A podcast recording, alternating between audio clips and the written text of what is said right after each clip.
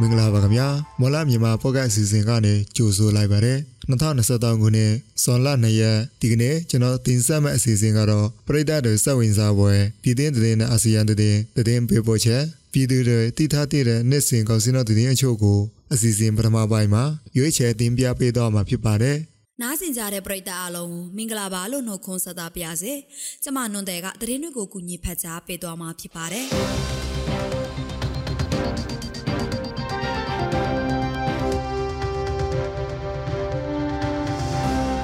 တော်လှန်ရေးအင်အားစုတွေပူးပေါင်းတော်လှန်ရေးမှစစ်အာဏာရှင်ကိုဖျောက်ချနိုင်မဲ့သတင်းပေးပို့ချက်ကိုတင်ဆက်ပေးပါမယ်။ဒီကနေ့အစီအစဉ်မူကတော့ကျွန်တော်ပြည်စာကတာဝန်ယူတင်ဆက်သွားမှာဖြစ်ပြီးကျွန်တော်နဲ့အတူနန္ဒဲကသတင်းတွေကိုကူညီဖက်ကြားပေးသွားမှာဖြစ်ပါတယ်။ မွန်ပြည်နယ်နဲ့ကရင်ပြည်နယ်အစရှိတောင်တမိချောင်းတော်တွင်စစ်ကောင်စီတပ်နဲ့ကရင်အမျိုးသားလွတ်မြောက်ရေးတပ်မတော် KNLA ပြည်သူ့ကာကွယ်ရေးတပ်ဖွဲ့ PDF ပူးပေါင်းအဖွဲ့တို့ကြားတိုက်ပွဲဖြစ်ပွားခဲ့ကြပြီးခီးသောပြည်သူ၃ဦးတေဆုံးခဲ့တယ်လို့သိရပါတယ်။မနေ့ကမနက်6နာရီဝန်းကျင်အချိန်ခန့်ကတောင်တမိချောင်းတော်ရှိစစ်စီရေးကိုင်းနဲ့လုံချုံရေးပန်ကားတွေကို KNLA နဲ့ PDF ပူးပေါင်းဖွဲ့တို့ကလက်နက်ကြီးလက်နက်ငယ်တွေနဲ့ဝင်းရောက်စီးနှင်းတိုက်ခိုက်ခဲ့တဲ့ပြင် ကားမိုင်ထောင်ပြီးလဲတိုက်ခိုက်ခဲ့တယ်လို့သိရပါတယ်။တောင်သမီး6နှစ်သားမှာဖြစ်ခဲ့တဲ့တိုက်ပွဲမှာခီးတော်ပြည်သူအမျိုးသမီးတို့နဲ့အမျိုးသားတို့တည်ဆောက်ခဲ့တယ်လို့သိရပါတယ်။စစ်ကောင်စီတပ်ဖွဲ့ဝင်တွေဘက်ကလည်းတည်ဆောက်တာတွေရှိတယ်။တထောင်မျိုးနဲ့သူရင်းဆက်ရွာကြလူနာတီရင်တွေအများကြီးသွားလာနေတာမျိုးတွေ့ရတယ်လို့ဒေသခံတို့ကပြောပါတယ်။တောင်သမီး6နှစ်သားတိုက်ပွဲအတွင်းလက်နက်ကြီးကြားရောက်ပောက်ခွဲမှုကြောင့်နေအိမ်ချမ်းစီယုံမိလောင်ပျက်စီးမှုရှိတဲ့ပြင် ဒူရင်းစိုက်ကြီးရွာကျေလက်စေပေခန့်လက်ထိခိုက်ပျက်စီးမှုများရှိခဲ့တယ်လို့သိရပါတယ်။အဆိုပါတောင်သမီးချောင်းတသားတိုက်ပွဲအတွင်းစစ်ကောင်စီတပ်ဖွဲ့ဝင်တွေတေဆောင်က၄ဦးထပ်မံထိခိုက်ဒဏ်ရာရရှိခဲ့တယ်လို့စစ်ကောင်စီနဲ့နှိစက်သူတွေရဲ့ပြောကြားချက်အရသိရပါတယ်။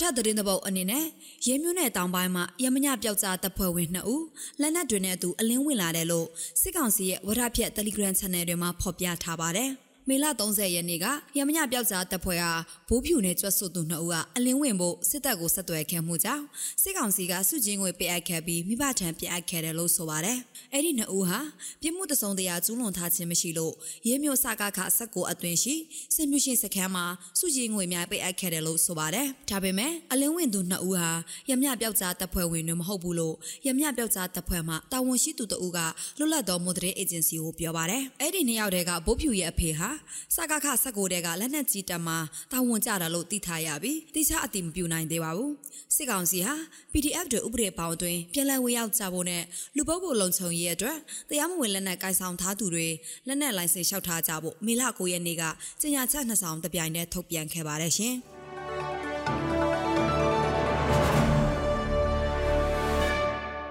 အနာတိုင်စီကောင်စီဟာစောအိမ်ကန်သားကနေ နိုင်ငံခြားရင်းနှီးမြှုပ်နှံမှုငွေအများဆုံးရနေတယ်လို့မြန်မာမဟာဗျူဟာနဲ့လက်လာရေး Institute ISP မြန်မာကမေလကောင်မှာထောက်ပြန်ထားပါတယ်။စစ်တပ်အာဏာသိမ်းပြီးနောက်နှစ်အတွင်းနိုင်ငံခြားရင်းနှီးမြှုပ်နှံမှုငွေစုစုပေါင်းအမေရိကန်ဒေါ်လာ9.4ဘီလီယံကျော်အထိရှိခဲ့ပါတယ်။အဲ့ဒီထဲမှာ80ရာခိုင်နှုန်းဟာစွမ်းအင်ကဏ္ဍကဝင်ငွေရရှိခဲ့တယ်လို့ ISP မြန်မာကပြောပါတယ်။အာဏာသိမ်းပြီးနောက်မြန်မာနိုင်ငံမှာ လာရောက်ရည်နီမျှော်နှံကြသူတွေထဲတရုတ်နိုင်ငံကအများဆုံးဖြစ်ပြီးဂျပန်နဲ့အာဆီယံဒေသအတွင်းနိုင်ငံတွေကဒုတိယအများဆုံးဖြစ်ခဲ့တယ်လို့ဆိုပါတယ်။အာနာတိုင်ပြည်နောက်တောက်လာအကြမှာခွင့်ပြုလိုက်တဲ့တရုတ်နိုင်ငံရဲ့ NLG မီလင်ချိုင်ဆက်အင်စီမံကိန်းကနေဝင်းငွေအများဆုံးရနေပြီးနိုင်ငံခြားဒေါ်လာငွေ1.5ဘီလီယံအထိရှိတယ်လို့သိရပါတယ်။မြန်မာနိုင်ငံရဲ့နိုင်ငံခြားရင်းနှီးမြှုပ်နှံမှုနဲ့ငွေရနှောင်းဟာအာဏာမတိုင်ခင်နဲ့ရင်းရင်တော့ တဝက်ကျော်ကျဆင်းသွားတာဖြစ်ပါတယ်။စစ်ကောင်စီရဲ့အထူးဝင်ငွေရပေါက်ဖြစ်တဲ့မြမရေနံနဲ့တဘာဝတန်ငွေလောက်ငန်း MOGE ကို ပြစ်မှတ်ထားတန်းခတ်ပိတ်ဆို့ဖို့မြမအရေးလှောက်ရှားသူတွေကတောင်းဆိုနေကြပါတယ်။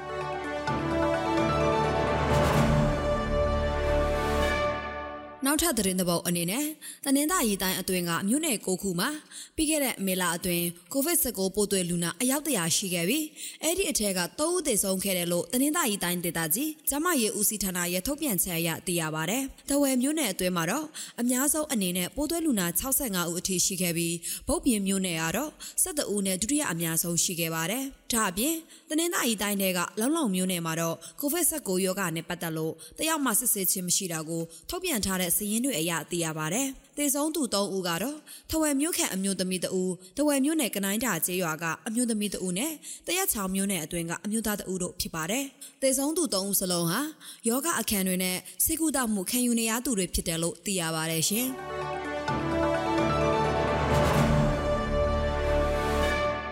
အရဒီဆိုရလက်ထက်မှာဒေါ်လာဘီလီယံနဲ့ချီထောက်ချေဖို့သဘောတူထားတဲ့ရန်ကုန်မန္တလေး ရထလန်စီမံကိန်းကိုစစ်ကောင်စီလက်ထက်မှာဂျပန်ဘက်ကနေရက်ဆိုင်လိုက်တယ်လို့သိရပါတယ်။ဂျပန်နိုင်ငံဟာ2021ခုနှစ်ကတည်းကမြန်မာနိုင်ငံပေးအပ်နေတဲ့ဖွံ့ဖြိုးရေးငွေချေသူကိုလည်းစစ်ကောင်စီကတက်လာပြီးနောက်မှာရက်ဆိုင်ခဲ့ပါတယ်။ဘိုးချုပ်ကြီးမြောက်လှိုင်းကတော့ဂျပန်ဘက်ကအခုလိုအထင်ကရမိရထားလက်မကြီးစီမံကိန်းကိုရက်ဆိုင်လိုက်ပေမဲ့လျက်စစ်ရထားပြေးဆွဲရေးကိုပါမကြာခဏထောက်ဖော်ပြောနေတာပါ။ ပြီးကြတဲ့ရက်ပိုင်းကသူ့ရဲ့ရှမ်းပြည်နယ်ခရီးစီမှာလည်းမိရထားအလုံးတနာရီကီလိုတရာနှောင်းနဲ့ပြေးစွာနိုင်ရေးကိုထောက်ပေါ်ပြောကြားခဲ့ပါတယ်ခင်ဗျာ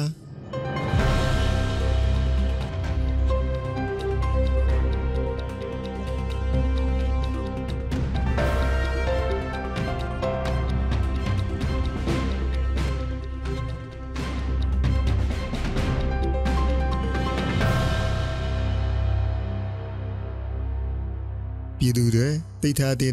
နေ့စဉ်ကောင်စီနောက်တဲ့အချို့ကိုမော်လမြိုင်ကောင်စီတိုင်းကအချက်လက်တွေကိုအခြေခံပြီးကျွန်တော်ဗီဇာကတင်ဆက်ပေးပါအောင်မယ်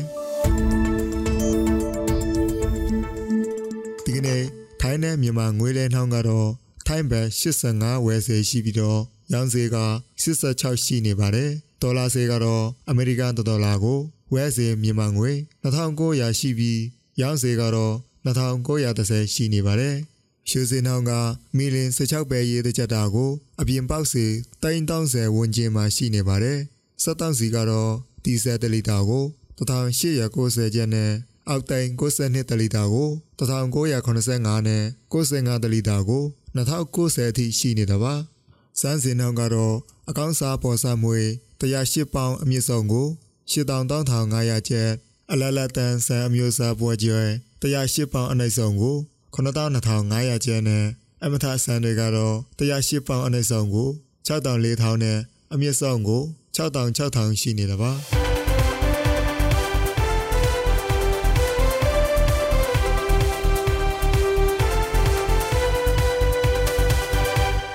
အခုတင်ဆက်ပေးတော့တာကစွန်လာ2ရက်နေ့မှာဖြစ်ခဲ့တဲ့မော်မီနယ်တဲ့ပြည်တင်းတဲ့နဲ့အာဆီယံတဲ့နဲ့အပြင်တနေ့တာစီစေငွေစေနဲ့ကောင်စီနောက်တွေကိုတင်ဆက်ပေးတော့တာဖြစ်ပါတယ်။ ဆက်လက်ပြီးတော့ပြည်သူနဲ့ဒေါ်လာရဲ့အင်အားစုတွေပူးပေါင်းတော်လှန်မှာစစ်အာဏာရှင်ကိုဖျောက်ချနိုင်မယ်ဆိုတဲ့သတင်းပေးပို့ချက်ကိုနဒီကတင်ဆက်ပေးပါမယ်ခင်ဗျာ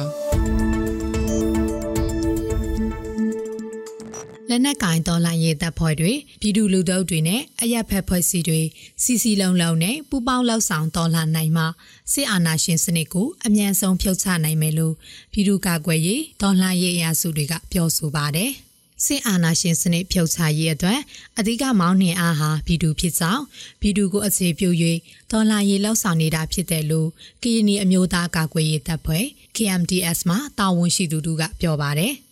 အဓိကတော့ဟိုဒီအာဏာရှင်ထုတ်ချရေးအတွက်အဓိကဟိုမောင်းနှင်မောင်းနှင်တဲ့အားကပြည်သူလူထုပဲပေါ့လေကျွန်တော်တို့ပြည်သူလူထုကိုဒါအခြေပြုပြီးတော့ကျွန်တော်လုပ်နေရတယ်ပြည်သူလူထုရဲ့ထောက်ပံ့မှုတွေနဲ့ကျွန်တော်တို့ဒီဒေါ်လာရေးကိုဒါဆင်နွှဲနေရတာပေါ့ ဆိုတော့လူထုတွေဒီထက်ပိုပြီးတော့စည်းလုံးကြမယ်နောက်တစ်ခုကခုနပြောတဲ့ဒီအရက်ဖက်ဖွဲ့စည်းတွေရောပေါ့နော်အရက်ဖက်ဖွဲ့စည်းရရက်ဖက်ဖွဲ့စည်းလျက်ပေါ့သူကဏ္ဍလိုက်ပေါ့ဟိုပို့ပြီးတော့စီစီလုံးနဲ့ဟိုလောက်ဆောင်နိုင်မယ်ဆိုလို့ရှိရင်တော့ကျွန်တော်တို့ဒီတော်လန်ရေးကအခုလိုကျွန်တော်ပြောနေတဲ့ဘယ်ချိန်ကနောက်ဆုံးနေဘယ်ချိန်ကနောက်ဆုံးချိန်ဆိုတာမျိုးပြောတာထက်ပေါ့လေပို့ပြီးတော့ဆောဆောပြီးလဲပြီးကောင်းနိုင်ပြီးကောင်းပြီးနိုင်တယ်ပြီးတဲ့အခါမှာဒါပို့ပြီးတော့ထိထိရောက်လောက်နိုင်တဲ့အခါမှာကျွန်တော်တို့ညံလဲပြီးကောင်းပြီးနိုင်တယ်ပေါ့အဓိကတော့လူထုလူထုရောခုနပြောတဲ့ဒီရက်ဖက်ဖွဲ့စည်းရောသူကဏ္ဍလိုက်ပေါ့လေဟို ပို့ပြီးတော့ စစ်စစ်လုံးလုံးနဲ့ဟိုအင်တိုင်းအတိုင်းလုံနိုင်ရင်တော့ ပို့ပြီးတော့မှဟိုထိထိထိရောက်တဲ့ထိရောက်တဲ့ဒီဘယ်လိုရမလဲထိရောက်တဲ့ တော်လိုင်းခီးပေါ့လေတော်လိုင်းခီးကို မြန်ရောက်မယ်လို့ ကျွန်တော်ဟိုပြောလို့ရတယ်ကြာဟုတ်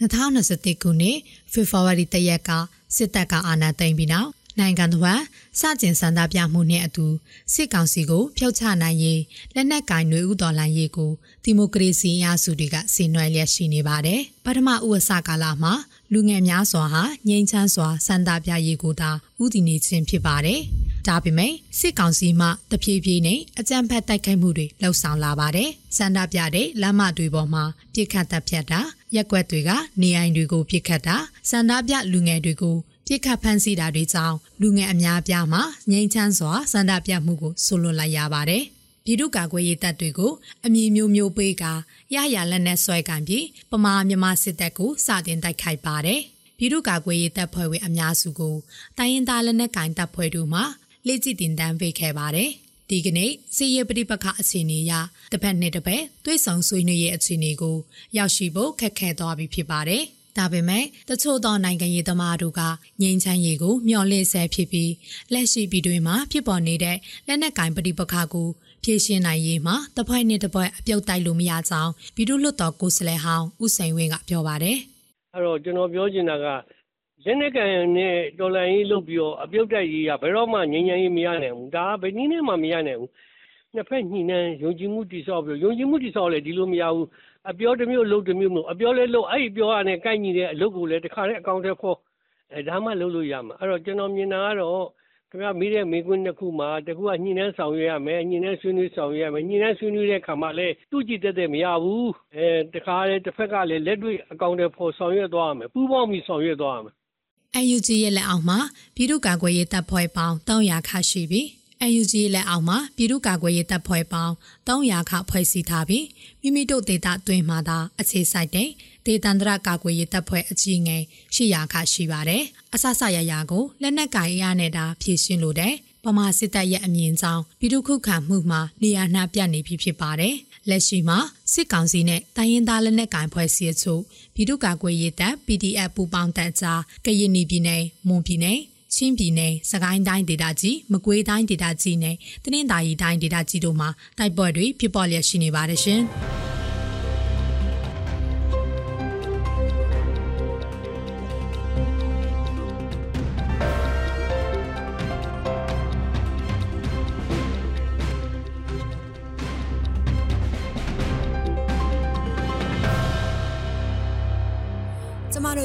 မွန်လန်းမြန်မာဖော့ကတ်အစီအစဉ်ဒီမှာတင်ပြီးဆုံးပါပြီ။နားဆင်ကြတဲ့ပရိသတ်အားလုံးကိုနောက်နေ့အစီအစဉ်တွေမှာဆက်လက်အားပေးကြပါအောင်လို့ဖိတ်ခေါ်ရင်းအစီအစဉ်ကိုဒီမှာပဲအဆုံးသတ်ပါရစေ။အားလုံးကိုကျေးဇူးတင်ပါတယ်ရှင်။